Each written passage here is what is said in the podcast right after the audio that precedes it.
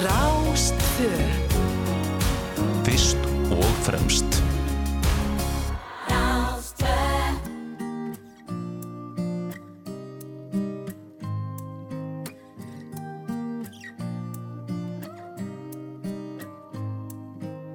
Hvað gerir ég er þú ferð? Hver fær mér sannleikan sagt? Mér laugin, hinn lifandi tón og hinn rétta takt.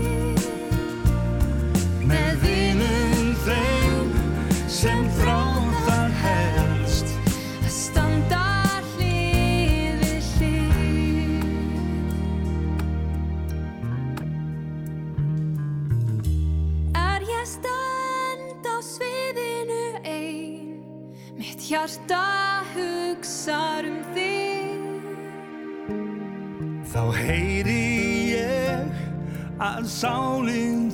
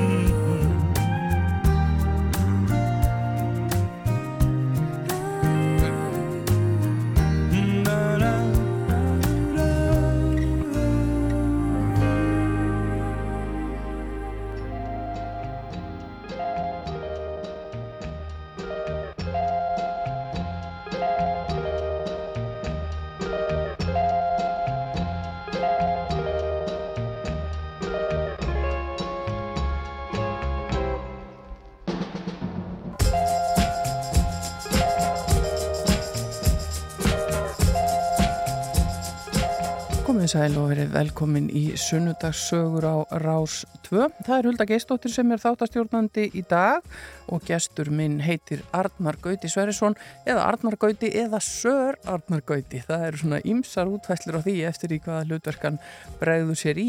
Við ætlum að spjalla um lífið og tilvöruna og, og margt það sem á daga hans hefur drifið en við byrjuðum þáttin á því að heyra í þeim þeginum eh, Pálma Gunnarsinni og Ninnu Pálma og það sem meira er að þetta er skemmtileg uh, svona ábreyða af erlendu lægi og uh, heyrist ekki oft og ég held að sé hvergi að þetta heyrin að nema stundum í útvarpinu þannig að það var gaman að lauma sér í það en áður en að við Arna Gauti fyrir að spjalla ætlaði ég rétt aðeins að líta hér yfir veðrið í dag uh, á þessum ágæta sunnudegi kominn 3. apríl við höfum síðan glitta í vorið undanfatna daga og vonum stöðuta til þess að vorið haldi áfram að breyka sig og stækka sig.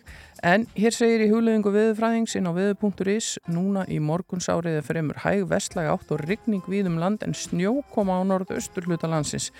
Er líður á daginn dregur úr úrkomu en í kvöld snýst í norðaustan átt með kulda og jæljum um norðanvert landið en byrtir heldur til. Næstu daga, það geti þessu er síðan útlitt fyrir áframhaldandi norrlegar áttir og kulda á landinu með ofankomu norðan til en bjart viðri seðra.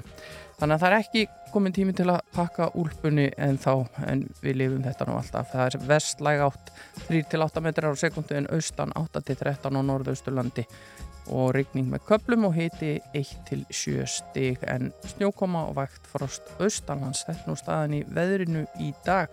En ég held að það sé bara komin tími til þess að kynna gestin okkar til leiks og við ætlum að spjalla hér um allt mögulegt. Gaman að fá því, Arna Gauti. Takk fyrir að við ámur hölda, gaman að hitta þig. Sko, ef við byrjum á byrjuninni, ég var að horfa á viðtalviði í engalífinu Já.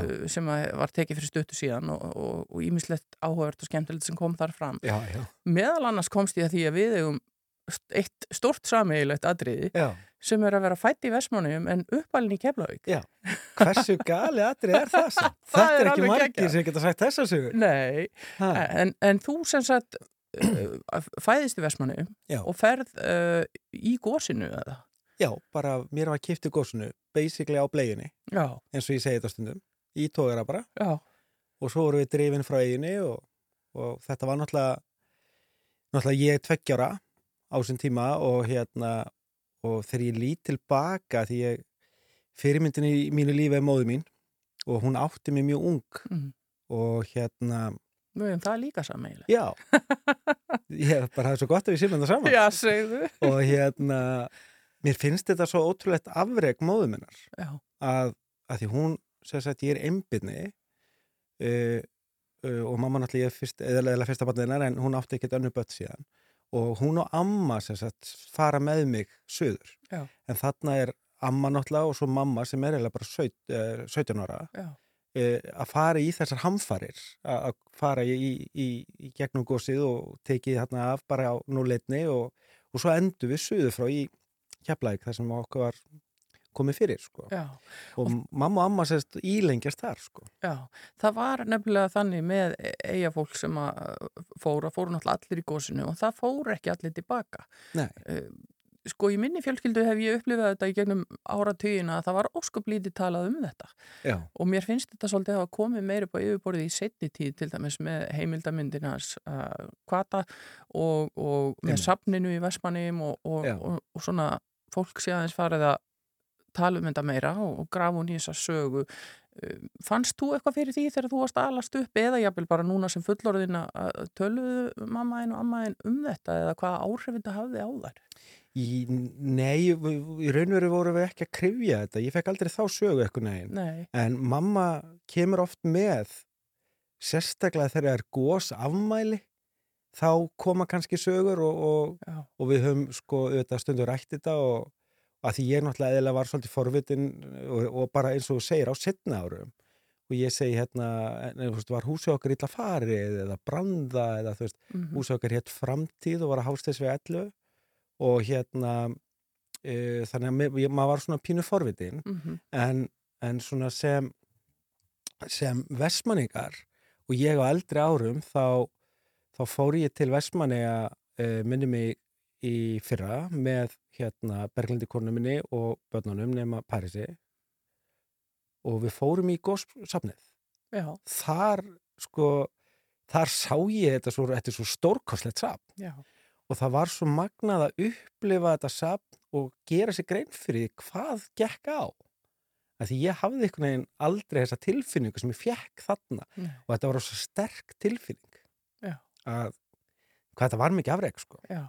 Og svo er það þetta auðvitað bara einhvern veginn að setja sér niður á, á nýjum stað uh, innan um nýtt fólk og bara nánast allt nýtt.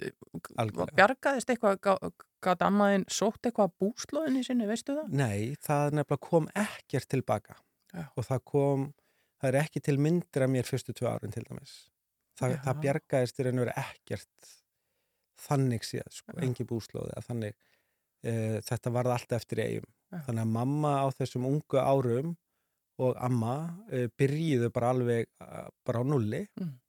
og, og fóru svona eins og flestir þá söðu frá að vinna fyrir herin upp á keflagu flugvelli og unnu þar í raun og veru, amma vann þar alla tíð sko, þangar til hún þurfti að hætta að vinna Já. og þannig að ég nú alin upp þá í söðunusunum í Keflæk eða byrjaði í Njarvík Mm og fór svo yfir í hérna, fórum yfir í Keflæk en ég byrjaði í barnaskóla Njarvíkur og þær ólum upp þarna í þessari móður ást og ömmu ást sko. En var pappiðin aldrei inn í myndinu? Nei, pappi, ég, ég kynntist ekki föðu mínum uh, fyrir en ég varð 14 ára uh, þegar ég femdist þá, hérna, mamma gaf mér alltaf þetta val uh, og ég kynntist honum þá og hitt hann nokkur sinnum og, og við erum svona með ég ætla ekki að segja þessu líkir en, en ég er svona með þetta þetta litarhaft í hári og skeggi sem hann var með svolítið og eitthvað svona þannig Já. en mamma sem sagt kynnist indislegu manni þegar ég er e, bara lítill í Keflavík sem Mhm. heitir Óli eða hét Ólaður Þorbjörn Njálsson og svona kemur inn í okkar líf sem fóstufæði minn en er alltaf minn faðir Já.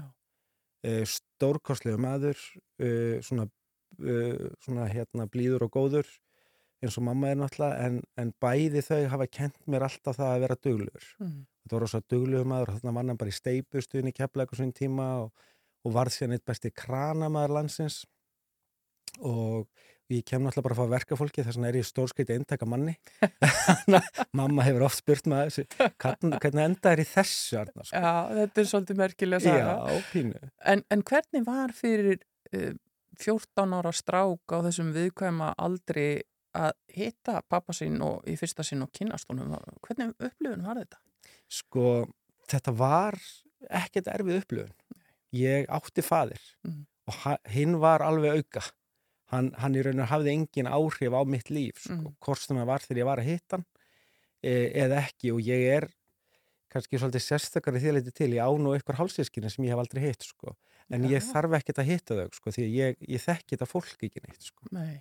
Og, En þú þú myndir ekki loka á það ef að þau leituðu eftir Nei, því ég eða? bara, sjálfsagt, en ég sé ekki ástæða, veist að, og það er að skritt nýðið, það ég segi sko, eins og fyrir mig, ég er náttúrulega er faðir nummer 1, 2 og 3 í mínu lífi Mhm. Og mikilvægi föðurs og móðurs í lífi batna er rosalega mikið, Já, eðlilega, já, en, en, en hérna, ég kem náttúrulega bara undir í, í öðrum aðurstæðum en við þekkjum kannski, þú veist, Mhm. ég, hérna, maður náttúrulega gerir allt til að, að, fylgja bönnunum sínum, sko. já. En svo dó fóstufæði minn fyrir nokkrum ára síðan úr heilakrabamenni og, og þar misti hann. Já. Þannig að við erum, ég hef oft sagt að við erum líklega minnsta fjölskylda landsins, sko, því þetta er eiginlega bara ég og mamma, sko. já. En þú ert nú duglegur að stækka fjölskyldun og átt nú orðið nokkuð börn. Nú á ég stórkostlega, indislega konu, Berglindi Sif, uh, og hún átti tvo stráka þegar við kynnumst og ég átti Pæris og Kiljan með basmáðu minni Öllu, Mm. uh, stórkostlega basmáður og byrja mikla verðingu fyrir henni og svo eignust við núna fyrir uh, átjámanuð síðan Ævi, Viktori Ævi. Já. Þannig að við eigum eina litla átjánmanna saman, þannig að við erum sjömanna fjölskylda Já, og það er best í þessu lífi. já, það er gaman að heyra. Heldur að þessi, já, svona uppvöxtur þinn í, í þessari litlu fjölskyldu einingu hafi orðið til þess að þið langaði sjálfur að eignast mörgbönn? Já, ég held að þetta sé pottet uh, stór hluta af því. Já. Það er líka rosalega sískina ást á milli barnana og, og, og, og við hlúum að því þannig Mm að því ég held að þetta sé rosa mikilvægt í lífi barna sko Já. og barnan okkar og við eðlilega þegar við kynnumst og förum saman þá eigum við þarna tvo anga uh, en hún var enga síður búin að vera ein með börnin sín Mm. svolítið svona eins og mamma mín -hmm. í, í eiginlega 15 ár ég er fyrsti maðurinn sem hittir börnin hennar uh, þannig að þetta var rosa dugleg kona stelpaði mínu mati og hérna og svo náttúrulega var ég líka einstæðar faðir með Paris og Kiljan, ég skildi fyrir um 12 ára síðan við basmáðu mína. Mm. þannig ég vissi hvað það var að vera einstæður og hún er rosa dugleg þessi stelpa.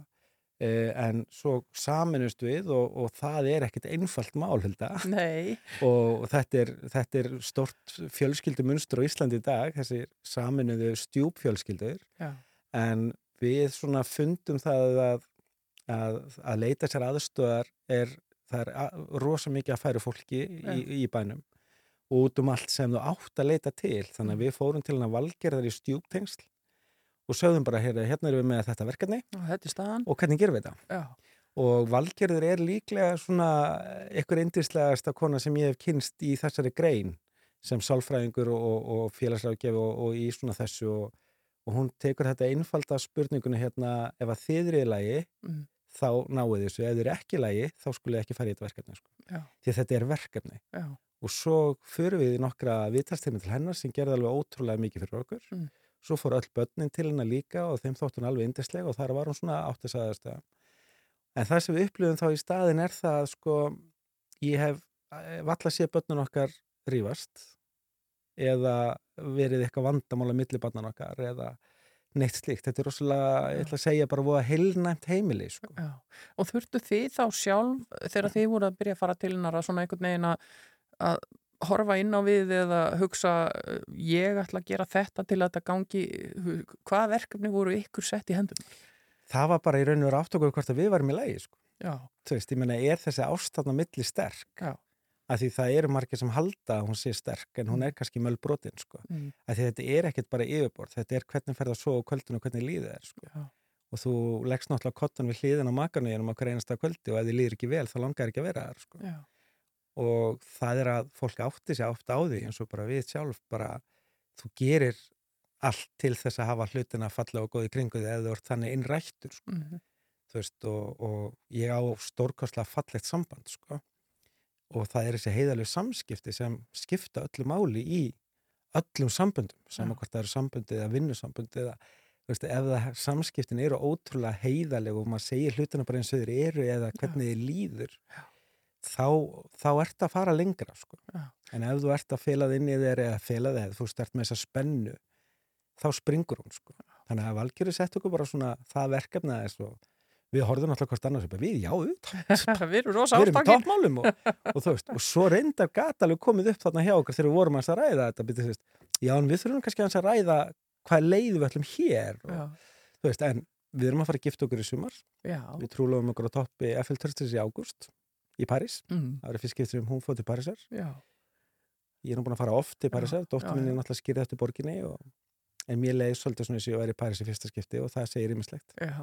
Þetta er fallegt. Heldur að þú fáir þetta frá mömmuðin og ömmu, þetta, þetta svona viðhorf? Nú ætla ég að segja bara 100%. Já, ég er alin upp í gríðalegri ást og hérna þessi mjúka útgáfa mér eða geta bara sagt þér frá þessu eins og ég segi þér frá þessu mm er klárlega móði minni og ömmu minni að þakka sko. og bara ég heyri mömmu yfirleitt á hverjum degi á milli 8 og 10 og þau samtali enda alltaf ég elska þig.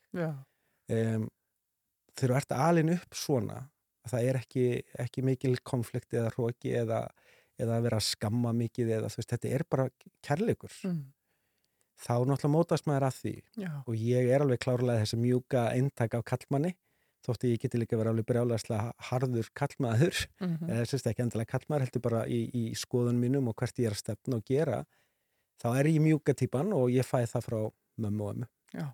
En uh, ef við förum aðeins aftur í, í æskuna, uh, þú ert uh, elst þarna upp og, og þú ert svona eins og við vorum kannski mörg á þessum tíma bara með leikilum hálsinn og, og, og, leikulösum hala. Já, já, Það er bara skemmtilegu tími. æðislegu tími þú veist, ég mun held að þetta var bara TBS-sjólið Já, já, skilur þetta var jú, skilur þetta, þetta var bara Don Canogalin líkillin um hálsin Top 10 skóttir, ekki glemma 10 þeim. nei, og svo var ég bara á mábröðinni hjá mömmu og pappa og, og þar var malavöllur og þar var maður bara að spila fókbalta og svo kom maður bara inn með hnýðin í sundur að því maður var að slæta malavöllinum og, og svo var maður bara með veiðstöngina og djebisjólin út á bryggja að veiða þú veist, ég minn þetta var bara keflagur æðislegur staður til að alveg börn á þeim tíma og rosalega bara, ég átti indislega skólatíma og, og, og þykir alveg vend um hann sko. Já, Var, varstu, þú varst í fótbolta, leikar í fótbolta, svona keflagur auðvitað mikil íþróttabær, uh, dast þú inn í það eða? Nei, ég var nefnilega eins fyrir utan það sko. Já, og þarna aftur sko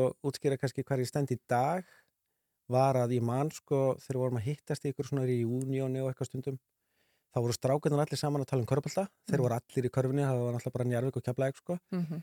nema ég var alltaf með stelpunum sko. Og hérna, þeir voru allir að drekka eitthvað svona bjór og dós hérna þegar á þessum yngræðum ég, ég var bara ekki í því sko þú veist, ég var meiri hérna bjóða stelpunum kvítunni eða þú veist, já, en ég var að spjalla ég, ég tengdi mig aldrei inn í þessari íþróttir. Nei, ég var í, ég var í judo og ka, nei, kung fu og eitthvað. Já, ég held með sér að við höfum tekið nokkra glímur í júdó. ég held hann er blóst, Já, mér minni það ég er Já. ægilega alveg vissum það. Já. Mér fannst það gaman. fjölgar sem þáttum sem við eigum saman. Já, þetta, þetta er alltaf að koma. Svakalega þetta er skemmtilegt. Ég man eftir þessu núna. Já, þetta var, hérna, það, þetta var góðu tími. En uh, þú fer samt ungur uh, að heima. Já, ég fer að heima 16 ára eiginlega. Ég var ekki komið bílpróf. Nei. Og, og bara, var það bara verið að fara á puttanum á Reykjanesbrautinni eða rútunni eða hvernig bjargaði Nei, þið? þarna kemur þessi móðurást, sko. Sko, mamma, ég tók rútin í bæinn Mhm. Og ég fór að vinna á, ég byrjaði að vinna við að læra þjónin, ég var að vinna á glóðinni keflæk. Mhm. Svo fór ég í Reykjavík á samning í, á veitingastæðum hér sjáa síðan og var svona einn af okkar betri fiskistöðum á Tryggvagutunni. Það sem grillhúsið er núna held ég. Já, og ég tók rútin í bæinn lappaði frá umferðarmiðstöðinu niður í bæ mamma eða pappi kom að náði mig á kvöldin og stundum þurfti mamma að býða út í bíl af því þú veist, það voru ekkit allir sko þátt að staðurinn lokaði tíu þá Já. stundum satt fólk og, og svo var kert bara breytina sko og svo hérna svo bara aftur repeat daginn eftir sko Já. og svo fekk ég fyrsta bíli minn sem var Saab 96 manni og þegar ég var 17 ára þá var ég reynda að byrja að vinna í 17 þá var ég komin í hennar tískubransa svo kallega sko. já, og svo flutti ég í bæinn ég leiði herbyggi bara og, já, hún fórst Og- bara alveg yfir. Já. En sko þetta er engin smá elja, Eh, það er kannski ekki margir 16 ára hólingar sem að nenna að vakna ekstra snemma á mótnana til að taka rútu til Reykjavíkur í klukkutíma til að lappa síðan dágóðan spöl frá BSI og niður, í, niður á tryggvakvötu vinna allan daginn og keira svo aftur tilbaka Nei, nei. hvað, seint um kvöld eða, já, var þetta bara mikil draumur hjá þér eða hverju varstu svona ég er ennþá með Harður. þessi eljuhölda já, ég er ennþá með sömu markmiðin mín og ég var með þá sko. Ég ætlaði bara ekki að vera að vinna í fiski keflæk nei þú vildi bara prófa hvað annað ég vildi prófa eitthvað annað. mamma kom mér í vinnu hún fekk vinnu fyrir mig að þursk, uh, þor, uh, þurka þorskosa Mm. í Njarvík og að mæti vinnuna þar klá náttu mótnana og lyktin var ekki góð sko nú ætlum ég ekki að segja að ég hefði ekki getað þetta ég bara ber mikla virðingu fyrir öllum stjættum starfsins mm -hmm. en þetta bara hendaði mér ekki nei, og mér langaði alltaf að læra þjónin af þessu leiti, mér fannst það mjög svona sjarmerandi, en mamma sagði alltaf þegar ég var yngri, þá voru við kannski að horfa okkur á bíómyndir og ég var alltaf að taka eftir einhverjum, sko, sjáðu skápin eða hvað- hann er í svo flottum fötum, þú veist, ég hef byrjað að tala um þetta bara eitthvað, já algjörlega ómeðvita, sko. Og þetta bara kemur alveg frá þér. Þetta er ekki eitthvað sem að þið litla fjölskyldan voru að liggja yfir. bara, við skiljum þetta ekki, sko. Nei. ég skildi ekki sjálfur sko. Bara, og, og þetta, þetta auga og eða, veist, þessi svona að hafa þetta góða auga er í raun og veru það sem er búið að síðan að fleita mér áfram þessi ár því ég er náttúrulega verið tísku í 30 ára og annað og nú er ég búin að vera að snúa mér algjörlega hönnun, innanshönnun og annað og, og er raun og veru titla á svona upplifun hönnuður Mm. þannig ég er búin að vera að hanna nokkra veitingastæði og skrifstu húsnæði mikil fyrir stórfyrirtæki og heimilin alltaf líka Já. og það er það er alveg magnað að því einn af mínu svona uppáhalsfata hönnum í heiminum er Raflóran Já. Ég horfði á myndina, heimildimyndina um ennum daginn sem heitir Very Ralph, ótrúlega sérmyrandi mynd sem ég bara, bara horfði á og fannst ótrúlega gaman að. En ég vissi það ekki sjálfur þá en Raflóran var ekki hönnuður. Hann lærði aldrei hönnuð. Mm. en hann er bara með gott auga. Já, þannig að hann bara setur hlutina saman og svo er aðri sem teikna það. Og ég er svolítið svona svo típa en það var bara einhvern veginn þessi, þessi smekkur og, og þessi svona vilji til að ná árangri í einhverju dró mig frá Keflavík Já. Eh, þetta er svona svipaður svo að búa eitthvað stærri bandaríkjum en alltaf endi New York sko. ég Já, vildi já, bara endi í höfuborginni og hef sett svona pingu markmitt á hana ég held ég svona bara afgreðan og flesta kallmenn á Íslandi með fatnað Svo náttúrulega var ég í sjónvarpunni þrjú ár í innanús hönnunar þætti sem var nætt vinstast þáttu landsins, já, já, vikulega í þrjú ár. Þannig að maður er búin að gera ímislegt, sko. En ég er ekkert stopp núna. Ég ætlaði mér, ég er ennþá, ég segi, ég er ennþá með þessa elgi, ég er ennþá með þessa tilfinningu. Mm. Að mér langar eitthvað meira. já.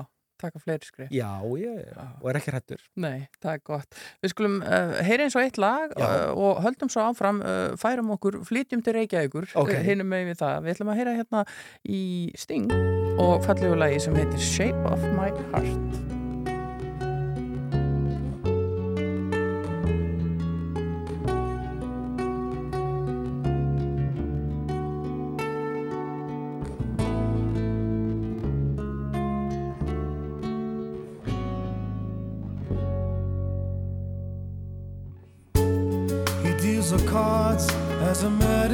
And those he plays never suspect.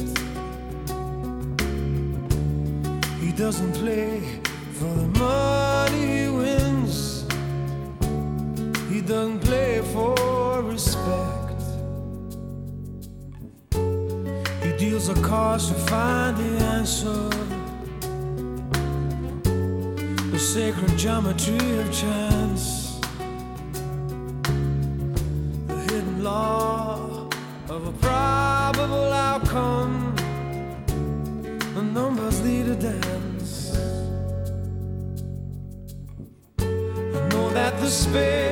are the swords of a soldier. I know that the clubs are weapons of war. I know that diamonds mean money for this art, but that's not the shape of my heart.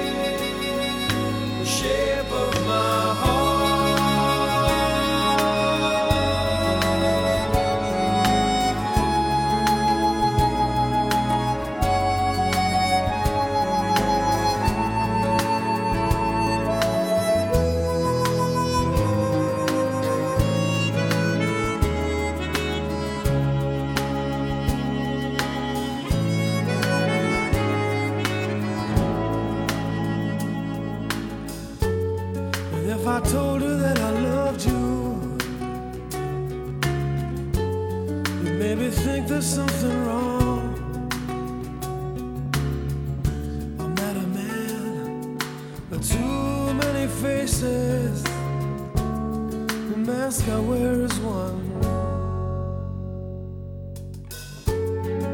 For those who speak know nothing.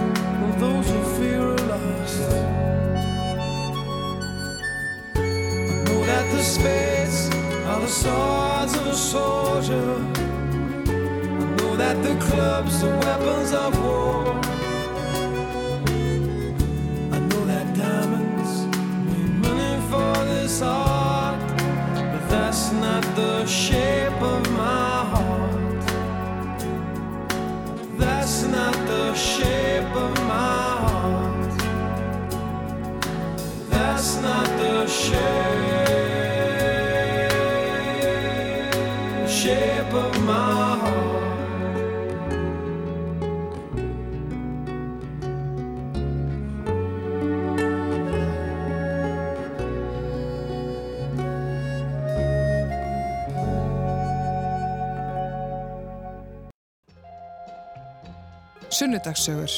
Alla sunnudaga frá 12.40 til 2. Jú, jú, við erum hér saman í sunnudagsögum Hulda Geistóttir uh, og Arnar Gauti og við vorum svona að þess að rifja upp æsku árin í Keflavík og, og, og við eigum nú ímislegt sammeilegt. Alveg ótrúlega mikið, já, bara allt í einu, það er gaman að rifja þetta upp. Já, já, já, og, en, en þegar við stoppuðum þarna áðan að þá varstu farin til Reykjavíkur, 16 ára gamall Já, og byrjaðar að vinna sem þjóð en þú ferð úr þjónstarfinu og, og færið yfir í tískuna. Hvernig kom það til? e, vá, ég mandi ekki svona nákvæmlega, þetta er svo langt síðan, sko, að því ég, ég er svo ungra en þá nefnilega. En ég man ég fór frá, sko, sjáasíðan yfir að Holiday Inn, þegar það varð, sagt, Holiday Inn með mestranum mínum, fylgdu honum þangað. Uh, síðan hætti ég í raun og verið, ég búin að klára allt um á skólan í þjónum Mm. og hætti í þjónum og fór að vinna sem vestlunastöri, nei ekki vestlunastöri strax, en fór í 17 á lauga við 51 sem var þá náttúrulega bara 17 já, að kvendildin á neðri hæðinni og herra á efri hæðinni og þar var, þar var uh, Jói, alltaf kendum við í mótor setna tíman, vestlunastöri og það var verið að flytja hann yfir ég, man, ekki, ég held að það hafi verið kringlan þegar það var verið að opna hana frekar en lauga við 91 sem var stóra 17 húsið ég held að það hafi verið kringlan. Þannig að ég endaði raun og verið í herradeldinni bara með hana svolítið í mínu fangi eftir að ég ófór upp í kringlu og, og vann hjá Svöf og Bolla í, í nokkur ár sko. Og fílaður þið bara strax í, í fatafransanum? Já, ég var náttúrulega var alltaf meira áhuga. Þannig að veist, þetta var svo auðvelt að einhvern veginn að, að kompjúta hann inn og vera með og, og finnast þetta gaman, mér fannst þessi heimur alveg ótrúlega skemmtilegur og, og svo því lengra sem ég var í honum var þetta náttúrulega miklu starri heimur og ótrúlega skemmtilegur og Já, búin að fara á fáar tískusýningarnar erlendis og, og lifa þannan heimsóldið já, þannig að þetta er rosa skemmtilegur heimur sko. já, spennandi. Já, og líka bara ég er eiginlega rítil maður við hefum oft talað um það sko, einu mín besta vinkuna Helga Átnadóttir sem byggði upp bestseller með, með Mörtu sýstir sinni og Margréti mömmu uh, sem var Jack and Jones og vera að móta og alla þær verslanir, þetta byrjaði Mhm. náttúrulega einnig að vera mótabúð já, já, ég man að þá var ég hans í kringlinni að vinna þegar hún opnaði og Margaret sem er nú eh, stórmerkilega, indislega blíðkona var búin að eiga ykkur að búða upp á Skaga og svo opnaði hann í kringlinni og, og það var alltaf verið að reyna að fá henni til að opna að vera mótabúð og ég man þegar ég var í hans og hún var að opna fyrsta daginn það var sko svona tróði neðri hæðin. Að þetta var í fyrsta skipti sem einhver svona búð kom til landsins já, sem var að bjóða bara góð verð og, Já. og þú veist, eitthvað svona sín í konsepti og eitthvað. Og það fyrirtæki náttúrulega með, með hérna, stjórn sýstrana og mömmu varð, varð rosalega flott fyrirtæki. Já, var síðan Jack and Jones og síðan varð ég vestlunstjóri mitt í Jack and Jones, fyrsti vestlunstjóri í kringlunni með Helgu. Þá var Margrét bara í eldur svona bakvið í tölvunni og þetta byrjaði svona nett já, lítið. Og og svo stakka þetta og, og svo held ég áfram og svo náttúrulega opnuðu stórvinni mínir, minn besti vinnur Gunnar Hilmarsson og, og Gunnars Kolla GK og ég fór að vinna með þeim þar. Og það var búið sem braut blað í sögu svona retail á Íslandi, hún var rosalega hrein og, og svona koncept uh, væs en þau náttúrulega eru með, með smekkleiri fólki í þessu. Já, Og- hvernig eru þið Gunnar svona miklu vinnir? Hvar kynntust þið? Heyrðu, við nefnilega kynntust í hans. Já, Við vorum bara tveir ungi strákar sem voru báðir að fara að vinna hérna í hans í, í svona auka og sumastarfi og kynnumst þar. Og, og hérna og náið bara svona vel saman strax eða þróaðist Já, það? nei, nei, við náðum svona vel saman strax og, og, og svo var ég að vinna með Kolli í 17 og, og hérna og svo er ég vitna af þessu fallega hjónabandi þegar Já. þau kynast og eitt af stórfengilegasta hjónaband sem ég þekki til um Já. og, og þau eru frábæri í, í, í öllu sem þau taka sér fyrir hendur og lít mikið upp til þeirra í, sem uppalenda þau eiga alveg indislega börn og, og hugsa rosalega fallega um hvort annað og börnin sín og heimilið sitt sko. En Þetta hefur verið skemmtilegu tími í, í bransanum. Finnst þér gaman að þú ferð og læri þjónin og svo ertu komin í vestlun. Finnst þér gaman að vera svona í þessu þjónustu hlutverki og eins og talar um að klæða upp alla kalla Íslands. Já, er, er já. þetta skemmtilegt? Já, það er þetta sem ég held að eigi svona sameigilegt með öllu þessum störfum sem ég tekið mér fyrir hendur er í raun og veru þessi mannlegu samskipti og svo eh, er ég náttúrulega búin að vera núna með þrjár serjur af Sör Arnari Gaut á Ringbraut og þú veist, mér finnst svo gaman að koma inn, taka viðtal við fólk uh, það er til svo mikið af frábæri fólki, skapandi fólki og ég er algjört aukættri, ég skipti engum máli, ég, ég er alltaf að reyna að láta mér sjást sem minnst og alltaf því mér, er svo gaman að, að taka þessi viðtölu og, og sjá fólk skína Mhm. í því sem það er að gera sko. En ég held að samnefnarinn í þessu öllu er öruglega bara þessi mannlegu samskipti og, og að vera í kringu fólk ég er náttúrulega mjög félagslindur sko. Þannig að já, ég held það en ég er, já Þú er værir aldrei típan sem sæti eitthvað þar einn e, svona í, í einhverju skilrúmi að skrifa á Excel-skjöl. Nei, ég, það er 100% ekki sko.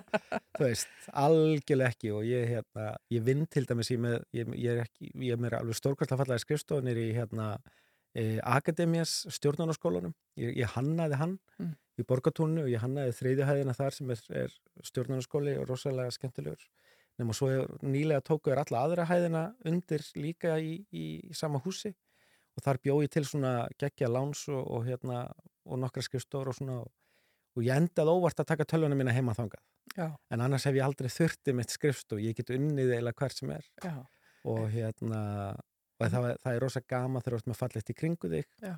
og hérna þá get ég Ég, ég myndi halda að þegar fólk er í svona vinni eins og þú, svona hönnunarvinni og þú þurfi nú að vera með alls konar dót, þarf ekki að vera með einhverja pröfur og, og hérna, teppi og grjót og spýtur og, og liti og... jú, jú, líka, sko líka en, en svo er maður bara skiplaður sko. Ég er með bílskúr og, og hérna en þetta snýst svo mikið um bara þessa vinnu sem svo kalla svona að búa til þessa upplifin í mútborti mm, það sem ég er bara komið myndir af þessu núna. Er bara þetta er viðurinn og þetta er liturinn og þetta er orðið svo aðeinslegt eins og þetta tekur maður þetta fysikalt að maður þarf. Já, já, en ég er svo heppin í hönnunarvinnunum minni að, að ég hef sko nánast undateiningalust fengið 100% tröst og eitt fyrirtæki Saltpay, ég gerði höfustöðar Saltpay sem voru nú 1200 fermetrar í Katrínutúni það var galið verkefni sko því að þau voru að flytja úr borgunahúsnaðin í Ármúla mm sem var búin að vera náttúrulega í 30 ár já, sko. já, og Saltpay sem sagt kaupir borgun og, og svo er það að fara hérna nýri í Katrínantún og þau fá mig á fund með sér að þau föttuðu það að ef þau myndi flytja bara borgunir þér með öllum að hóni húsgóknunum og öllu þungadótinu þá færi þau eru gladri tilbaka. Nei, þannig að þau bara heyrði mér á 50 degi og spurðu bara veist, getur þau tekið að þér? Já. og ég sagði bara alveg sjálfsagt veist, og ég bara hendi mútbót fyrir ykkur og ég en við erum að flytja 15 næstu viku. já, og, ég, og, þetta, og þetta er náttúrulega ekki mannlega hægt 1200 fermetrar. Og hérna ég er náttúrulega líka þessi típa ég elska áskoranir sko. þannig að ég átti panta flug til Parísar á 15 vikun eftir þar sem ég var með alltaf að trúla á skonunum minni Mhm. upp á toppi að fylgtöðstis og Búin að ákveða það það, allt. Já, búin að plana það allt saman og, en ég segi bara, já, ég skal gera þetta Mm. eh, og ég þurfti að hanna það svolítið on the go bara þá vikuna en ég náttúrulega fekk bara sex yðina menn inn bara um kvöldið og hérna og klára þetta, ég, það var málað og því þurfti að byggja svið og alls konar því þau eru með skrifstofu í Portugal og London og hittast öll á sviði og svona í sjónvarpinu og Já. þannig að það voru alveg mjög margar áskoranir en þessi dagar byrjuði yfirleitt svona 6 á mótnan og búinir 10 á kvöldin Já. en þau vildi ekki trubla mig, þau koma aldrei inn á verkstað þau tristu mig bara 100% Já, þetta er bara sett í hendunar á þér. Já, og, það er best. Já, en sko ég velti fyrir mér þegar þú færið eitthvað svona eða Já. bara hvaða verkefni sem það er, það jafnvel þó að það hefur lengri tíma sko, hver er uppsprettan? Hvaðan kemur þetta? Nú erum við til dæmis hérna inn í nýju hljóðveri sem á eftir að stílu sér að sérðu bara strax fyrir þér eitthvað þegar þú kemur inn í svona rými? Já, það er magnað, allan eins og með saltbeg ég var búin að hanna það þegar ég fór niður í liftunni sko. þú veist, ég vissi hvað mér langaði að gera. Já. ég vissi hvað lausnir ég gat notað og það er líka það að vera kannski ekki að eldast við eitthvað sem er bara ekki hægt Mm. þannig að þú veist, ég vissi svona hvaða efnistök ég var að fara í ég vissi hvaða svona gæti verið váfaktorar uh, ég fekk nú ekki nema mánuð að hanna nýja, nýjasta verkefni mitt sem er hérna neða á hverjuskötu barástík uh, Grazi Trattoria veitingastæðin sem opnaði núna á, á föstudaginn eða var opnað á föstudaginn Mm. en þar þarf ég bara svolítið að, að fara ég vildi fara bara svolítið í ítalska svona renaissance sögu. Þannig að það er málverk á veggarna sem er 8 metrar langt og 3 metrar á hæð. Og það var málað uppalega 1816 og það er actually handmálað á hana vegg.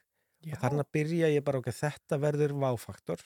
Svo kemur bara bekkur undir það 8 metra langur og þannig að þetta byrjar allt einhvern veginn svona. Svo fylgja þessu einhvern rósettur og listar og svo bara ferður kannski aðeins að kafa í söguna og ég elskar endar hérna svolítið Ítali í sambandi við trúna sína Mhm. þannig að þú veist, ég er með myndir af sko, geggja myndir af nunnum til dæmis og eitthvað svona, þú veist, og svo bara byrjar þetta að þróast og stækka Þannig að þetta er bara svona kuðungur, þú byrjar innst og svo bara uh, vaksa ringirnir Já. utanum. eins og í rauninu besta dagi með líklega það sem ég þótti vandu var library fyrir Radisson í Keflæk það er verkefni til dæmis sem sko, ég er gamla dag að mynda eftir bókasafninu Mm sem var í þessu húsi, svo Mhm. var þetta hótel og ég hugsa bara tenging eitthvað í söðunni sinn með Keflæk var bara, heyrði það var bókasafninu hann heiti library, Mhm. bistro bar Mhm. og þar er leiðandi byrja svona grunnurinn í hönnuninni að vera bara ógeðslega mikið á bókum, bókaskápar sem er þá notað þessi vínskapar líka og svona rústik pælingar eitthvað og svo bara pff, sprakk þetta upp og var þetta library en þetta byrjaði bara nafninu sko. Hvernig er það þegar, þú, þú ert náttúrulega bara að vinna þá sjálfstætt Já, já, í þínum verkefnum. Já. Uh, ska, er þetta aldrei neitt erfitt einhvern veginn að skipleggja þetta eða þú, þú er kannski með eitthvað svona í gangi svo kemur einhver annar með eitthvað svakalega spennandi en það já. liggur á, já, þú veist, nærðu alltaf einhvern veginn að halda utan um þetta? Já, ég hef eiginlega náði alltaf hinga til. Ég var til dæmis hjá einum núna klokkan 11 áður en kom til þín. Ég ætlaði að hitta hann á morgun en þess að við erum hérna klokkan 11 ég segi ég kíkja þá frekar núna. Já. bara lítið lítið verkefni en, en ótrúlega gaman bara að hitta fólk sem er að búa til eitthvað og þannig að en ég listi það nú bara ég mitt á svona 20 myndum Já. En eru þá, þú veist, það er engir heilaðir kvildadagar því er það er bara sunnudagur í dag og þú mæti bara hitt ykkur Já, fyrir hátíð á þetta var nú aðalega að því ég var að fara að hitta þig. Já, sko, dagurinn er ónýttu já, kostum nei, nei sko, þetta, sko, þetta er svo mína ánægin að hitta þig Hilda. en sko sunnudagar eru kvildadagar eða samkvæmt sko guði. Mm, og, og ég er mjög trúar eh, sunnudagar eru fjölskyldudagar. Mm. og það eru bara dagar þar sem eh, við förum saman, við erum búin að vera svolítið að fara núna bara nýja mótnana með Ævi og ég og Berglind er á Brygg í Hafnafyrði bara til að kaupa eitt brauð Mhm. en það er bara svona ferðalag og við löppum aðeins með fram höfninni með hana og, og erum bara svona að njóta þess og svo komum við heim með fallet brauð og þú sunnudagarnir eru fjölskyldudagar mamma kemur yfirleitt í mat til okkur á sundum og þá er ég yfirleitt að elda bara góðan fjölskyldumat sem er Mhm. náttúrulega bara læri og eitthvað svona og mamma er rosa stór partur af okkur og, og svo Jarlmaðan hennar hann er eh, að vinna á sko landhelgisgæslinni á skipan, hann er mikið úti Mhm. 17 dagi einu, þannig að mamma er mjög oft ein og þá er hún ein suðu frá og þá viljum við hafa bara mömmu nálagt Já. og, og hérna, að þetta eru fjölskyldudagar nummer 1 og 3 Já. og svona slökunadagar. Nú þarf ég að fara að kaupa stígvel á dóttir mína því að byrja að rigna svo mikið en við ætlum að fara í kringlinu eftir. Já, það, þetta Þá- eru svona fjölskyldustundir þú leggur mikið upp úr því en, en þú ert mikill fjölskyldumæður það bara skýna að þér þegar þú talar um kona þín og um börnin og, og basmóður þína líka Já, og, og, þín og ömmu þín og allt þetta fólk sem að tilherir þinni fjölskyldu. Mm -hmm. en það lítur þá að vera erfitt eins og er fyrir alla að skilja á sínum tíma uh, við Já, basmóður já, já, þína. já, já. þið, þið áttu tvö börn, þið voru fjölskylda. Uh, var það erfitt eða komust þið vel í gegnum það þegar á góðum stað í dag? Uh, nei, það er, þetta er, þetta er alltaf erfitt. Já. Og það er eiginlega sama hvað liggur á baki. Og margir, þú veist, í kringum minn alltaf eðlilega og í kringum okkur öll hafa ykkur um að skilið eða þú veist, fallegustu samböndin eru náttúrulega bara þau sem endast. Og þess að tala eins og um, um, um mína bestu vinningun og kollu. Þú veist hvað þau eiga ótrúlega heilnum að falla í tjónaband en við förum öll í, í gegnum alls konar brekkur í lífinu. Mm -hmm. en, en þetta snýst svolítið held ég eða ég held að ekki, ég veit það bara af reynslu og nú get ég bara að tala frá minn eigin reynslu er að þetta snýst um þennan þroska bara þú veist, í dag uh, líkunar að ég og Berglind skiljum eftir 16. júli Mhm. eru ekki miklar sko. En að ég sé búin að kynast konunni sem ég langar að deyja með er stórkostlegt að því ég finn það í hjarta mínu hvað þetta er reynt og fallegt Já. en ég er mun þroskaður í dag heldur en ég var fyrir 12 árum eða 20 árum eða Mm. en, en þegar ég gengi gegnum skilnað við öllu þú veist, þá uh, var þetta bara öðruvísi, þetta var rosa erfitt því að við vorum sko við vorum rosalega yndislega hjón. Mm. við vorum rosalega yndislega upp alendur við náttúrulega eignumst frumburinn okkar Parisi. Síðan eigum við Kiljan Gauta uh, tveimur árið setna og ég mann við varum að skilja þá sagði presturinn minn við okkur þegar við vorum í samtali að því ég fer alltaf í hérna vatnáskó á Vestlamahelgina því það eru sæludagar, það er, þetta er bara fyrir börnin. Mhm. og það er bara galið að mæta þarna því að þú veist, þú bara tjaldar og svo er börnin horfin. Já. og þú ert að finna þau í pulsur sko. Og þú veist, það, það er ekkert heilla til fyrir börn í Vestlamahelgi, ekkert áfengi engin óregla og, og presturinn okkar hittir okkur oft þar. Uh, KFM K náttúrulega á vatnaskó. Og presturinn minn sagði við okkur þegar við varum að fara í gegnum skilnaðan og voru sátum hjá hana þá sagði hann hérna ég var að horfa á ykkur í sumar. Ég sagði við konuna mína mér langar að vera eins og þig ja, ég vil að við verum eins og þau. Mm. að þá bara skeina á okkur bara fjölskyldan, hjónabandið, börnin, uppalendur Mm. uh, og allt það. En, en síðan, bara nokkrum ára síðan voru við að skilja sko. En ég verð að segja alveg svo er í kringum þann skilnað var þetta bara svo erfið tímabil. Þetta var hrun, við mistum fyrstu íbúðun okkar sem við kiftum og gátum fjárfesti saman.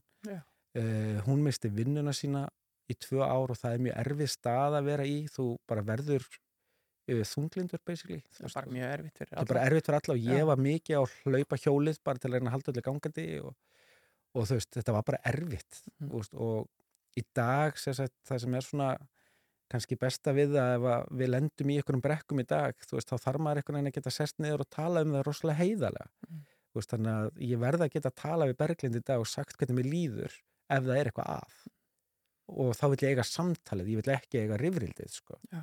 Uh, þú veist þannig að þroskamerkin í dag eru miklu starri heldur þá en auðvitað sama hvar ég er, þetta, er alltaf erfitt fyrir alla. Já, Þetta er sérstaklega erfitt að því það er, ekki, það er ekkert erfitt að skilja við konuna mína. Það er erfitt að skilja við börnum mín. já, Að því hún fær viku af mínu lífi með börnunum mínum sko. Og það er erfitt sko. mm, Að fá ekki að horfa börnum mín á hverjum einasta degi sko. Þetta er auðvitað mikil aðlöfun og, og fyrir alla en, en ykkur hefur gengið vel eins og við tölum um hérna í upphafi Já. þáttar og, og, og, og það er kærleikur á milli barnana ykkar. Algjörlega. En þú talar um, um uh, dóttur þín á París Mm -hmm. og, og svo átt eina sem heitir Ævi. Mhm. Það eru þessi nöfn sem að ég, ég reikna með að þú hefur þurft að- að fara lengri leiðina til að fá að, að nefna þér þessum nöfnum. Já, ég þurfti þess í báðum tilökum. Uh, Ævi var einfaldara. Uh, mannanatna nefnd fyrir 18 árum síðan þegar Paris fættist var bara hérna einhver e-mail samskipti voru einhverjir þrýr, fjóru lögfræðingar sem voru eitthvað að stýra þessu. Já. Og ég á svo heppin að lenda á, á konu, ekki kalli, ekki það að þessi slæmir en það er bara öðru þessi element í konum. Þannig að hún sendi mig tilbaka á Paris að vera með í eða y eins og borginni skrifuð Já. og þá bara kveikti ég strax á því að þetta þurfti að beigast þessu íris eða eitthvað svoleiðis Mm þannig að ég sæði bara í og fekk það samþygt Já. ef ég hef sagt í þá hefði ég ekki fengið það samþygt sko. uh, Ævi var eiginlega sama veist uh, og, og bæði raunur nöfnin bara svona að ganni fyrir þig þá sko ég var alltaf með París Mm. alla barsmáða mín hún var alveg klárlega með það Já. samþygt sko en henni langaði að bæta ykkur við það fyrir Já. framann sko. Og hún var með Natalíu. Og svo voru alltaf að henda á milli sko, Natalíu eða París eða, og svo manni hvað ég var að keira þegar alla ringir í mig og segir hérna Arna minn, eigum ekki bara skýra hann að Natalíu París? Að því vorum alltaf, sko, nei, ég vil hann heiti París. Já, já. og hún bara, nei, veist, og hérna og ég var bara býtu, ha, a, uh, jú, akkur ekki, þú veist. Bara, akkur föttu við þetta ekki fyrr? Já, og svo náttúrulega eins og ég er búin að koma fram á í stórkvæslegt samband við Berglindi og það var bara tekið strax ákvörun ég bara ætti miðnafnið, Mm. Berglind á bara fornafnið. Mm. og hún sko vildi Viktoríu og, og ég vildi Ævi. Mm. þannig að hún heiti Viktoríu Ævi. En Ævi var svipað, það var kom tilbaka frá mannarnefnd að, að þetta er EVAF Ufsulon mhm, en það þarf að vera Ufsulon I sérst með kommunni. Við skrifum það bara með Ufsulon E.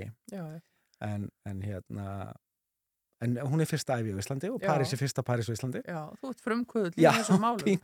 Já, en það er skemmtilegt og, og, og sko við vitum að París er uppáhalds borgiðin og þú Já. hefur átt margar góðar stundir þar en hver var tengingin við, við? Þannig, sko í raun og veru fannst mér bara nafnið stórkostlega fallegt, ég var náttúrulega búin að sjá það út í heimi já, einn frægasta æfi heitir Blue Ivy og er dóttir uh, Jay-Z mhm, og Be- eh, Beyoncé og þú veist þessi þrýr stafir bara Eva þú veist, og nafnið Ivy og þetta er náttúrulega blóm, sko þannig að e, það var í raun og veru ekki starri tenging en það, sko.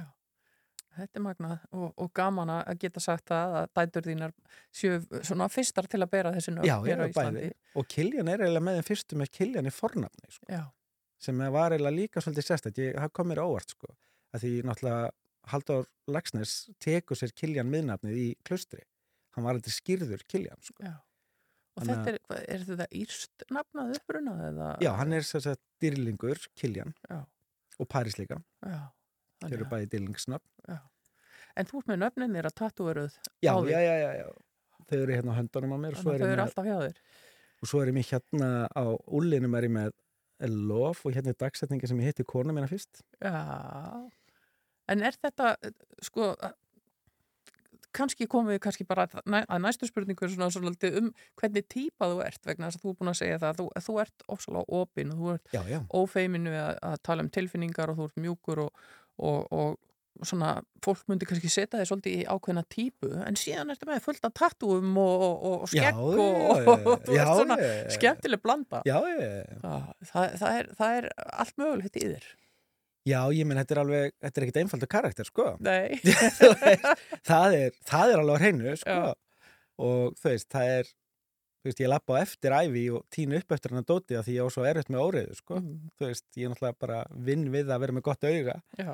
og ég þarf að færa bókina til ef ég er að lappa framjá, sko. Þú veist, ég bara funkar ekki öðru þessu, sko. Er þetta eitthvað sem þú hefur látið greina eða skoða? Er þetta eitthvað árátta? eða? En Ég bara, ég minnst þetta góð árætt ef hann er árætt, Já. sko. Mér finnst þetta bara, Já, já, en það þurfa það ekkert að vera slæm Nei, ég var að koma heim sko á föstudaginn að því ég, ég fekk skenk sem ég ætlaði að nota nýri í Grazzi Trattorio sem móttöku Mm.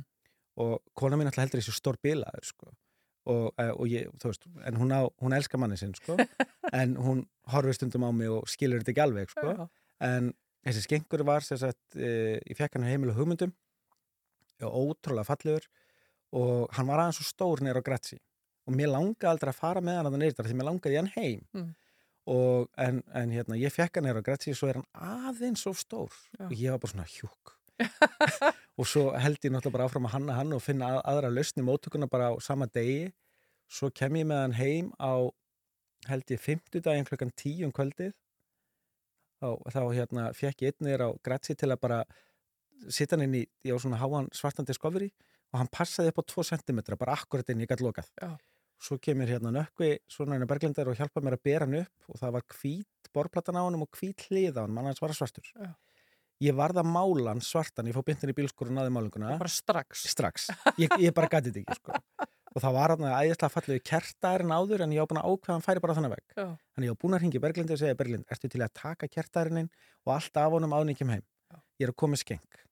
Og, og hún alltaf bara skilur ekki, bara alltaf að koma meira heim Já, sko. veit og svo horfi ég á hann og fyrir hennar og málan en sko, ég stoppaði hennar ekki þar, ég þurfti að horfa á málingun og þotna svo, svo ég gæti stilt á hann Já, áður en ég færi að sofa annars Þú var er bara, aldrei sopnað nei það var bara eitthvað spenna í líkamanum á mér ef ég fara að sofa á þess að hafa hann sko. ég, bara, ég geti þetta ekki sko. Það er þessi rosalega sköpnaþörf sem þú hefur og, og svo einhvern veginn að sjá útkomuna. Já, ég, ég var búin að sjá þetta fyrir mér. Ég, ég var nákvæmlega búin að ákveða hvað færi á þetta sko. Já, og ég bara varð að sjá það sko, og klára það ég, en, en það er það sem mínir viðskiptavinnir elska við mig, ég náttúrulega er bara að og að fá heilan veitingastæði eins og, eins og hverfiskutu barástíð, Grazie Trattori er alveg stórkostlega gaman fyrir mig sko, þú veist, Já. ég er náttúrulega er að bæta við að endalust eða gera eitthvað og bara þetta væri geggja svona og þetta er alveg bílu vinna, alveg bílu vinna sko.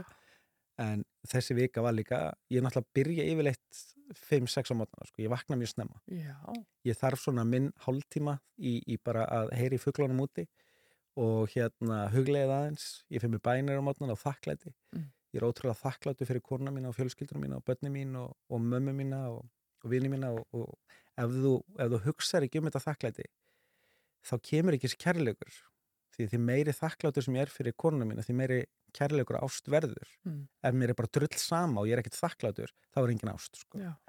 það Já, er svolítið línan í mínu lífi sko. Og þetta er meðvita hjá þér að, að vera þakklátur. Já, já, já, já. Því því meiri þakklæti, því meiri kærleikur. Sko. Já. Því ef ég hugsa ekkert um, veist, ég meina, ég hugsa oft um vini mína og hugsa oft til Gunnar vina míns og veist, við tölum mikið saman, sko, en hann, veist, ég bara sjaldan vitað um eitt mann sem er í einsmikli yfirkerslu á hann, sko, hann allir með Sikumatri og hann er með Herrafellus Komars og Skjaldar og hann er að hanna og hann er með Kollu, og ég, við stundum tölum ekki saman á hverjum degi, en, Mm, en ég hugsa oft til hans, en ég er líka þakklátur fyrir vinn minn já, og því meiri þakklæti sem ég upplifi í hjarta mínu því meiri kærleikur ástverði til sko. Við skulum heyra í viniðinum og hljómsveitin hans, Ah, Þetta er uh, La Flamme, hér er sungið upp á frönsku, það er nú í þínum anda vel valið, vel valið, geggjalag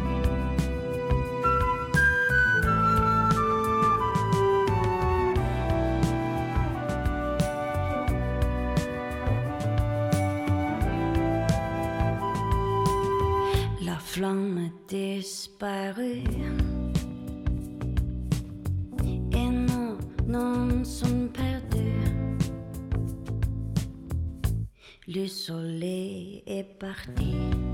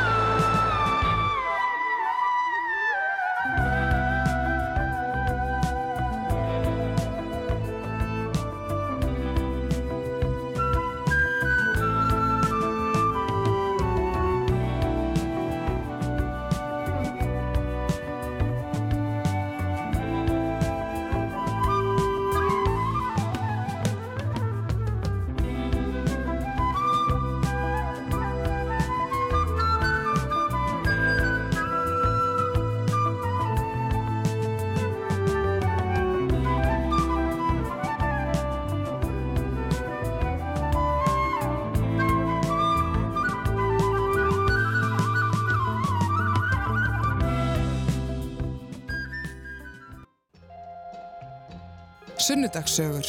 Alla sunnudaga strax eftir hátegisfréttir. Já, áfram höldum við í sunnudasögum Hulda Geistóttir hér með ykkur í dag og gestur minn er Arnar Gauti og uh, hann heitir líka stundum Sör Arnar Gauti og kannski við vindum okkur einmitt núna í fjölmiðlamannin Já, Arnar já, já. Gauta. Uh, þetta er svolítið skemmtilegt hvernig þú ert svona það sem á ennsku myndi kalla self-made. Já, já, já. Þú, þú, þú ert einhvern veginn bara búin að vinna þig þangað sem þú ert komin og fara þína eigin leiðir því, ekki endilega eftir einhverju marg slungnu skólakerfi eða slíkt. Alls ekki. og þú ert þekktur fjölmjölamæður og búin að vera lengi í sjónvarpi þú byrjar þarna, er innlit útlit fyrsti þátturinn sem þú ferð í?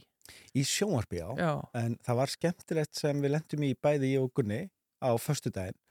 Þá var sko stóðuð fyrir utan að því Gunni og Kolla komið með mýju sína í opnun á Grazi Trattori og við vorum fyrir utan uh, í endanum og hérna þá kemur aðeinslega maður sem heitir sko er prófessor og byrjar að spjalla við okkur, ég þekki hann vel og hann segir og hendir fram vá hvað ég sakna hérna útastáttar eins ykkar Ha? Já, ég og Gunni nefnilega vorum með 98, þá vorum við tísku menningaháttin kultúr á FM 957 Já. sem var bara algjör fluga og bussi sem var þá að stýra því hérna samþykkt okkur inn og við byrjuðum með tísku menningaháttin kultúr á FM 957 það var svona fyrsta fjölmjöla giggið sko Já. en síðan fyrsta sjónvarpið var náttúrulega ymitt ekki, ekki litlu skóra fylla því að það var innlítútleitt Mhm. sem Vala Mattó náttúrulega byrjaði með og var búin að stýra og skilaði af sér og, og það var rosalega spenna hverjir væri að fara að stýra þessu þætti þetta var nú vikulegu þáttur í, og eitt vinsalsti þáttur bara landsins Já. Og ég man fyrsta heilsíðan sem var auglýst þá var það sko skuggamyndir af Natíu, Þórun og mér að því þetta og fólki sem var að fara að stýra var alveg bara gert úr þessu sko. og svo bara þegar það var kynnt í lofti hverju var að fara með þetta og fyrsti þáttur þá kom uh, andlitin á okkur sko. að þetta var En láð þetta strax bara vel fyrir þér? Margir finna fyrir stressi við að koma fram í fjölmjölum eða koma fram bara ofinbeglega. Var þetta auðvelt fyrir þig eða þurftur að, að, að þjálfa þig upp í þessu? Nei, þetta var algjörlega rosalega veld Já. og eins og með kannski allt, ég er bara eitthvað þannig karakter, bara já, ég get það ég ger þetta Já. og eins og sjónastáttur minn sem ég er búin að vera núna með á ringbröti í þrjú sísón, Sörarnagöti Mm. lífstilsþáttur, þar meðal annars bara svona að ganni hef ég aldrei ákveðið spurningu fyrir viðtal Nei, þú bara mætir og, og opnar. hann bara kemur með rauðlösa vilna Já. og þá opna ég og byrja og svo bara er þetta organagli samtal, alveg svo við eigum hér Já. og þetta er sjónvarp og af þessum held ég 60 viðtölum sem ég er búin að taka er búin að klippa þrjú þannig að viðkomandi sem er oft mjög stressaður Mm. gerir mikið úr þessu og þú veist svona býtu já og hvað er allar að spyrja ég sé ég veit ekki, ég ákveð aldrei spurninga þú veist og allir vilja fá allt kannski svona nokkur með skrifa niður eða eitthvað og, og hérna það gleymir því eftir fyrstu tvær spurningarnar og svo er þetta alltaf orðið þetta samtal bara varnagönda Mm. sem verður síðan svona einlagt samtal og, og um verkefni sitt eða og þá kemur það best fram Já. þannig að þetta hefur komið mér alveg ótrúlega eðlislega og ég, ég er mér finnst rosa gaman í fjölmjölum sko. Sérstaklega sjónvarpi sko. Þetta er, þetta er auðvitað skemmtilegu miðill en, en þetta líkur þá bara svona vel fyrir þér. Þetta er að því að þú kannski ert ekki að gera mikið úr þessu eða mikið mál úr nei, bara Ferð inn í þetta eins og önnu verkefni. að ég að segja lindamála baka þetta allt Já. þetta er ekkert mál keep it simple sko. Já.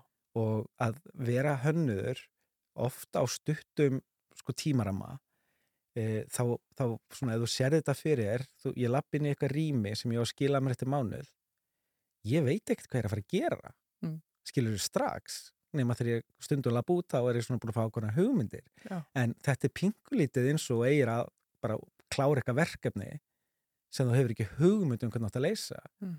en ég hugsa þetta alltaf keep it simple og þetta er ekkert mál þetta verður alltaf leið sko. Já. Það er bara svona þín mantra í, í Já. vinnunni. bara þetta er, veist, þetta er ekkert mál Já. þannig að hérna og svo náttúrulega býr maður bara til eitthvað struktúr í kringum þetta og, og svona heldur áfram bara og fylgir leiðbyningum sjálfsín sko. En þetta er confident, þú veist, auðvitað gæti þetta ekki ef ég væri ekki Já, þú Svona- trúir á sjálfa þig. já, ég er bara sjálfsörugur, þú Já. veist En eh, fólk á oft erfitt með að greina á milli þarna þess að vera bara sjálfsörugur og líða vel í eigin skinni og í eigin verkefnum og það að vera rókafullur. En þú, þú ert ekki rókafullur. Eh, Nei, en sko þú náttúrulega þekki mig og sérstaklega í þessu samtali, ég er mjög auðmjúku maður og lífsmottoð mitt er sko, ég bara er auðmygt, kærleikur og þakklæti sko. Mm. Og Og það, er hefur... ekkit, það er engin leikur, það er ekkit feik. Nei, nei, nei, það er engin hróki í því heldur sko. Nei. En, en, en, náttúrulega- en ástæð fyrir að segja að þú þekkir og náttúrulega þeir sem þekkja mig, en það er ekkit margir sem þekkja mig, en, en sko margir horfa á það og vita ekkit hver þessi strákur er, Nei, halda ég sé mjög hrókafullur. já. Það er fylgt af fólki sem þórar ekki að nálgast meira sér í sko verkefnum eða halda ég sé bara allt og hátt uppi þarna sko eitthvað, þú veist, ég er, ég er bara strákur og kjaplæk sko. Já, þú, þú, og þú náttúrulega bara kvetur fólk til þess að vera ekki feimið þig, en það er þetta fræga atriði þó ég, ég nenni svo sem ekki að fara að rifja það eitthvað sérstaklega upp þig og Áskir Kolbeins þarna í íbúðunum árið Já, já.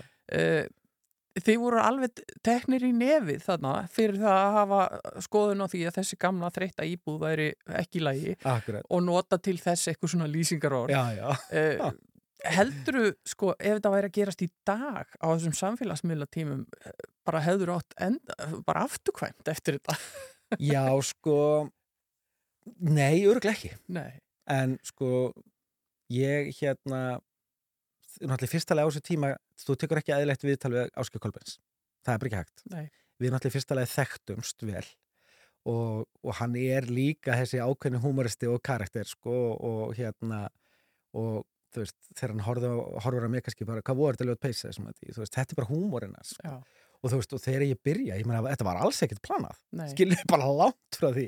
Og bara þegar ég kem að inn og hann var nýbúin að kaupa síbúð og fekk hann á góðu verða því hún var búin að vera í útlegu í sko 12 ár hann vissi það enginn heldur hann var allt úr sér gengið þarna en hann kaupir hann á góðu verði og hann vissi alveg það hann alltaf bara alveg að strauja hana sko. Svo kemur hann alltaf bara eins og þegar ég og hann erum að spjalla saman sko. Já, bara já, þetta er íbúið sem þetta kaupa þessi eldursteg, hún er viðbjöður já, hún er veist, og svo bara byrja maður að svona, þú veist, ég, Þórun Högna var rítstjóra á þessu tíma því að þá var ég og Nati á skjánum Já. og hún var, hún var á svæðinu og ég er náttúrulega með myndatökumann á svæðinu og hljóðmann á svæðinu Þórun lág náttúrulega bara í ganginu grenjandi sko, því þetta var náttúrulega bara þetta var bara fyndið en svo náttúrulega fer þetta í gegnum alla lúpina, klippið og allt saman og allir eru, þú veist, það er enginn sem kommenta á þetta neitt, sko. nei Og enginn sem tók þetta næri sér Nei, nei, nei, nei, en svo fyrir til loftið Já, og náttúrulega hölda, þú veist, þjóðfélagið í heilsina fór á hliðina, sko. mér finnst þetta svolítið merkilegt að því að það er ekki eins og það er verið að tala um eitthvað fólk Nei, nei, Þau nei, eru nei. bara að tala um einhverja gamla eldúsinnutingu Já, og einhverja flýsar og já, Ég, ég, finnst það svolítið sérstakt. ég veit það. En þetta fannst var- þér þetta einhver tíman vera mistök? Ef þú lítur á þetta svona sem fagmaður í fjölmjölum? Uh, nei, þetta var líklega mín staðist auðlýsing af því að þú ert ennþá að tala um þetta. Já,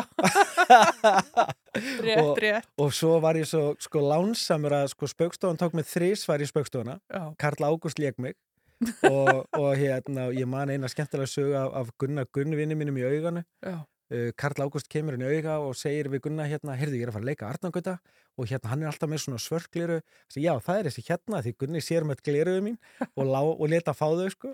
Síðan fór ég í spaukstofan einu nei hérna áramótasköpinu sem líka. Já. Þannig að þú veist, að vera tekið í ykkur mínútur í áramótasköpunu svo var ég sprautaður í eitthvað stensilnir í miðbæð, það var búið að gera það við Daví Oddsson og Ingebjörgur Solrún og svo mig. Já, ekki slæmi félagskapur. Nei, og Halldór teknaði mig mokkan Þú veist, ég meina að toppa þetta. Já. Þetta var bara besta auðlýsing sem þú gast fengi. Já, en sko, enn og aftur þá skulum við nú kannski aðeins ég er þroskaður í dag Mm, ég myndur ekki gera þetta í þætti Sör Arnagöld á Hringbraut nei, þetta væri ekki í bóði í dag sko, en við sjáum líka hvernig þjóflæðið og öll menningin er í samband við annað annu málefni sem er í, í, í loftun í dag mm það er bara margt sem þú gerir ekki í dag sko. en, en ég sé ekki eftir þessu en, en hérna en þjóflæðið fór á hliðina sko. Já. En svo er það líka þessi þroski sem við erum búin að tala um áður. Þú ert, þú ert, þú ert þroskaður í dag bæði í, í, í engalífinu og starfiðinu þannig að Algjörlega. þú nálgast verkefninu eins og við öll við þroskumst með, með aldrei og reynslu. já, já, já. En uh, hvernig gengur að halda þessu öllu gangandi fjölskyldunni sem þú leggur áherslu á að sinna vel uh, sjónvarstætti sem hann tekur sinn tíma að búa til og finna efnið í og, og setja saman og síðan uh, hönnuninni, ég meina ert þú með fleiri tíma í sólarringnum með við hinn? Já, ég vakna fimm. Já, ég gerir það reynda líka stundum þegar ég er morgunútarfinu en þá Já. endist ég nú ekki langt fram á nótt heldur.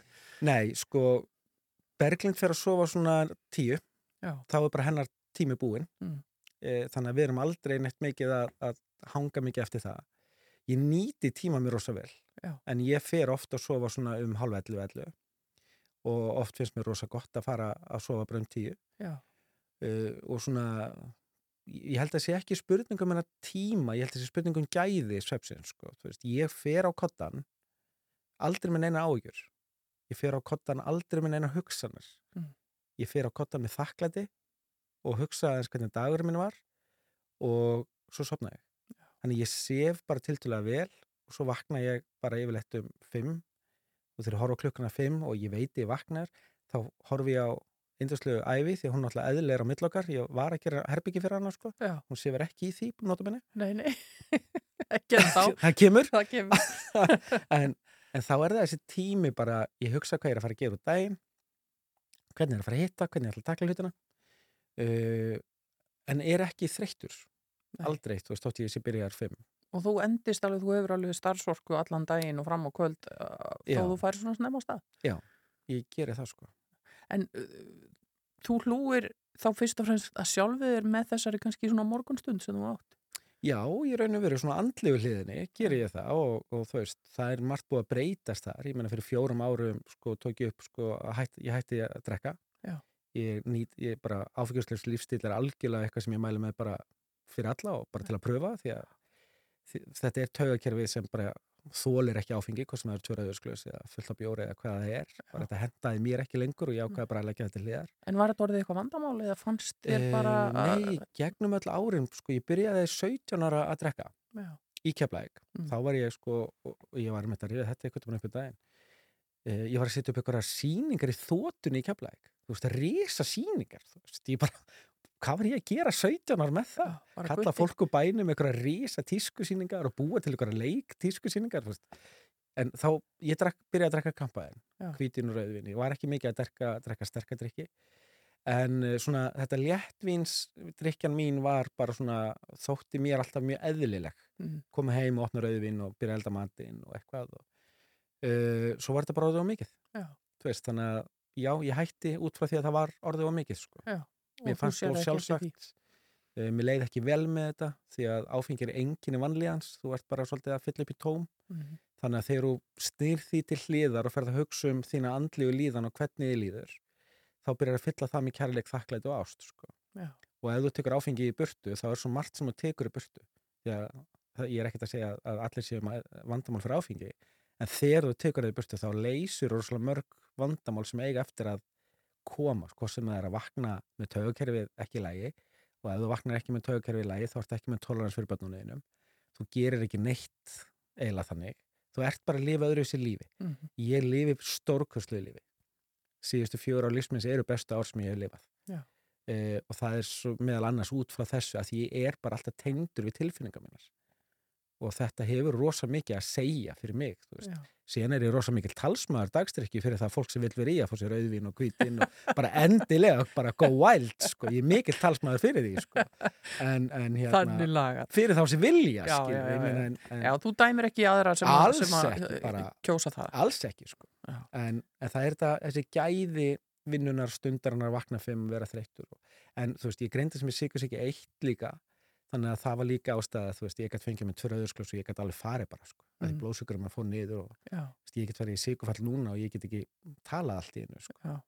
Þannig að Þannig að- þetta, þetta var bara lífstílsbreyting sem algjörlega og bara æðisleg þér fannst æskileg og, og góð á þessum tíma. Já, og það er aldrei tilbaka Nei, aldrei tilbaka. Ef ekki hafa það sem loka orðin okkar, Arna Gauti, tíminu flogi frá okkur. Hvernig gæti- er það hægt til þetta? Já, ég geti setið þetta með þér í allan dag það, það er ekki nokkur spurning margt um að tala en, en svona það sem að ég tek með mér heim úr þessu viðtali er, er þetta með þakklætið og, og að vera opinn og, og hleypa tilfinningunum út. Takk vel, þetta er gaman að vera með þér Takk innilega fyrir að deila söguðinni með okkur hér á Rástvö, Arnar Gauti og hafa það sem allra best. Við ætlum að enda hérna á nýdönsk og lægi sem heitir Hverstags Prins. Þú mátt eiga það. Takk fyrir